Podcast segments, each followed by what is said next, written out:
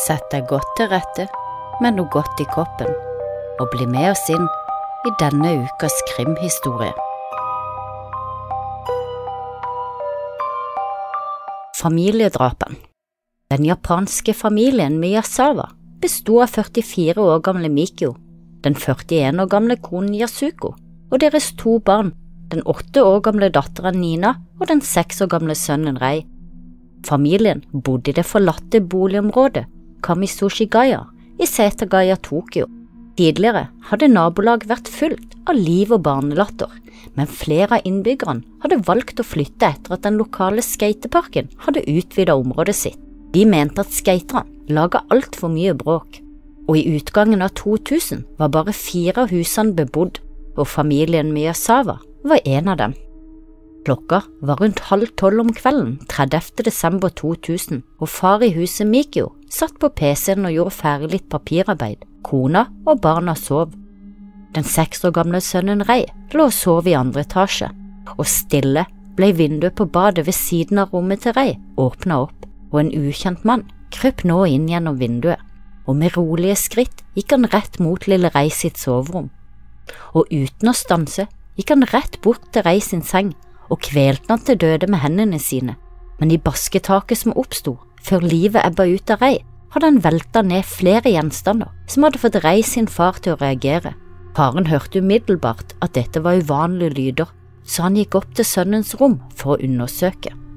Men idet Mikio runder hjørnet for å gå opp til andre etasje, blir han overfalt av den ukjente mannen. Inntrengeren hadde knivstukket Mikio flere ganger før han i det hele tatt rakk å reagere og forsøkte å slå tilbake.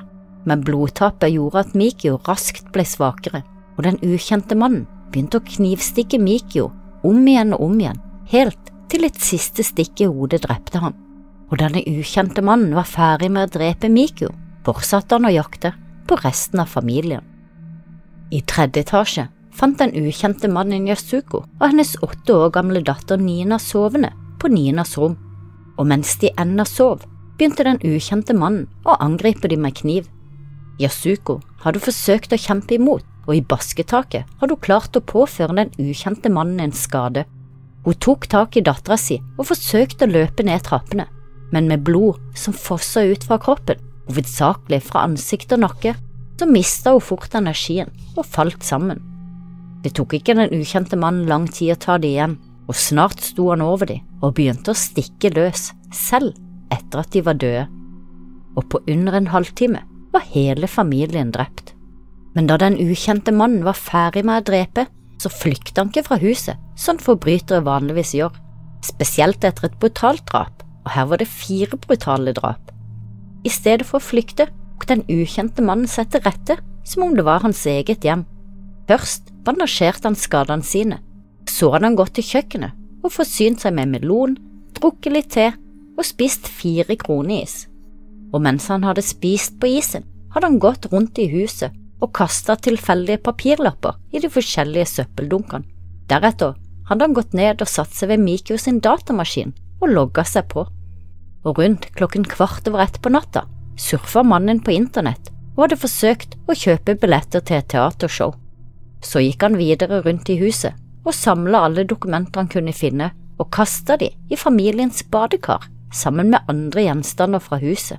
Og så gikk han på do, og der bæsja han, og så kasta han Mikios lommebok, en kroneis og Mikios kredittkort oppi doen og lot alt ligge uten å trekke opp. Deretter skal den ukjente mannen ha gått inn på familiens sofa og lagt seg til å sove, og da han våkna neste morgen, så antas det at han brukte familiens datamaskin en siste gang. Da reiv han i stykker strømledningen og telefonkabelen og forlot huset. Det eneste den ukjente mannen tok med seg fra huset, var ei gammel T-skjorte. Det var Yasukus mor, Haruko, som ble møtt med et forferdelig syn da hun dagen etter troppa opp i datterens hus for å se etter dem, og hadde forsøkt å ringe datteren uten å få kontakt. Klokka var nå rundt ti om morgenen, og politiet ble raskt tilkalt av en hysterisk mor. Bokyo, Metropolitan-politiet ankom raskt åstedet og sperra av området for å sikre krimtekniske spor, og den ukjente mannen hadde etterlatt seg flere spor i huset. Han hadde blant annet skifta klær og lagt igjen sine egne blodige klær. Han hadde bretta de fint og lagt de synlig, som om han ønska at politiet skulle finne de. Han hadde også etterlatt seg et par joggesko med koreansk størrelse, i tillegg til ei jakke, en hatt, et lommetørkle, en rumpetaske, vinterhansker og et skjerf. Og ved hjelp av klærne kunne etterforskerne konkludere med at gjerningsmannen var ca. 1,70 høy. Han hadde også etterlatt seg DNA, og ved hjelp av den klarte etterforskerne å finne hans genetiske makeup. De fant ut at han var halv søreuropeisk og halvt asiatisk. Han hadde blodtype A og var i alderen 18 til 35 år da drapene ble begått, og slank. Og parfymen han hadde på seg under drapene, fant de ut var Dracker Noye av Gay LaRoche, som var et populært merke blant skatere. Og med den store mengden bevis som den ukjente mannen etterlot seg, skulle man tro det var en enkel jobb å finne gjerningsmannen, men det var det ikke. I Japan er oppklaringsprosenten på drap 96% og denne saken er utrolig nok blant de 4% uløste. Sporene Rumpetaska som gjerningsmannen la igjen på åstedet, inneholdt spor av sand, og ved analyse av sanden ble det fastslått at sanden stammer fra The Edwards Air Force Base i California. Dette leder politiet til en teori om at gjerningsmannen hadde tjenestegjort i militæret, men hans DNA og fingeravtrykk matcha ingen i systemet deres, og hvilket betydde at han ikke hadde tjenestegjort i Forsvaret. Og i Japan var det også sånn at alle uten japansk borgerskap som ankom landet, måtte avgi fingeravtrykk, og slik kunne man stadfeste at gjerningsmannen måtte være av japansk borgerskap. Spørsmålet som gjensto, var hva denne personen hadde gjort på den amerikanske luftflybasen, og hvordan hadde han fått tilgang dit? Siste gang familiens datamaskin ble brukt, var ti om morgenen, omtrent i det tidsrommet som Yasukos mor entra huset og fant familien drept. Politiet kan ikke konkludere sikkert om det var gjerningsmannen som brukte maskinen, eller om Yasukos mor hadde dytta borti musa uten å merke det, etter at hun oppdaga at familien var drept. Seks timer etter at politiet oppdaga drapet på familien, ble politiet informert om at en ukjent mann hadde blitt behandla for et dypt kutt i hånda si ved togstasjonen Tobu Nikko. Kuttet hadde vært så dypt at beinet var synlig, og etter behandlinga hadde mannen forlatt stasjonen uten å oppgi navnet sitt. Denne stasjonen lå ca. tolv mil fra familiens hjem. Mikio hadde ofte vært i krangel med skateboardene i nabolaget, og siden parfymen gjerningsmannen brukte var populær blant skatere, så ble politiets hovedhypotese ganske tidlig at en av de lokale skaterne måtte stå bak drapene. Men etter å ha sjekka alle skaternes DNA og fingeravtrykk, var det ingen av de som matcha med gjerningsmannen. Skadene på ofrene indikerer at gjerningsmannen er høyrehendt. De siste 23 årene er det lagt ned over 250 000 etterforskningstimer i saken, og over 12 000 biter med bevis har blitt sikra.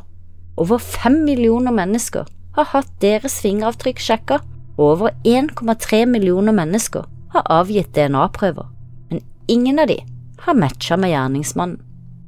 I 2019 annonserte myndighetene at familiens hus vil bli revet, da det er gammelt og råttent med fare for å kollapse. Familie og støttespillere har derimot motsatt seg rivingen.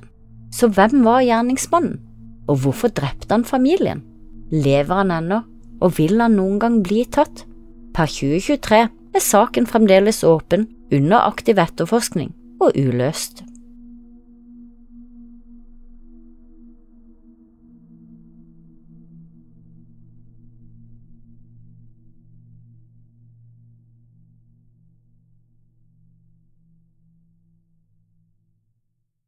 Har du et enkeltpersonforetak eller en liten bedrift? Da er du sikkert lei av å høre meg snakke om hvor enkelt det er med kvitteringer og bilag i fiken, så vi eh, gir oss her, vi. Fordi vi liker enkelt. Fiken superenkelt regnskap.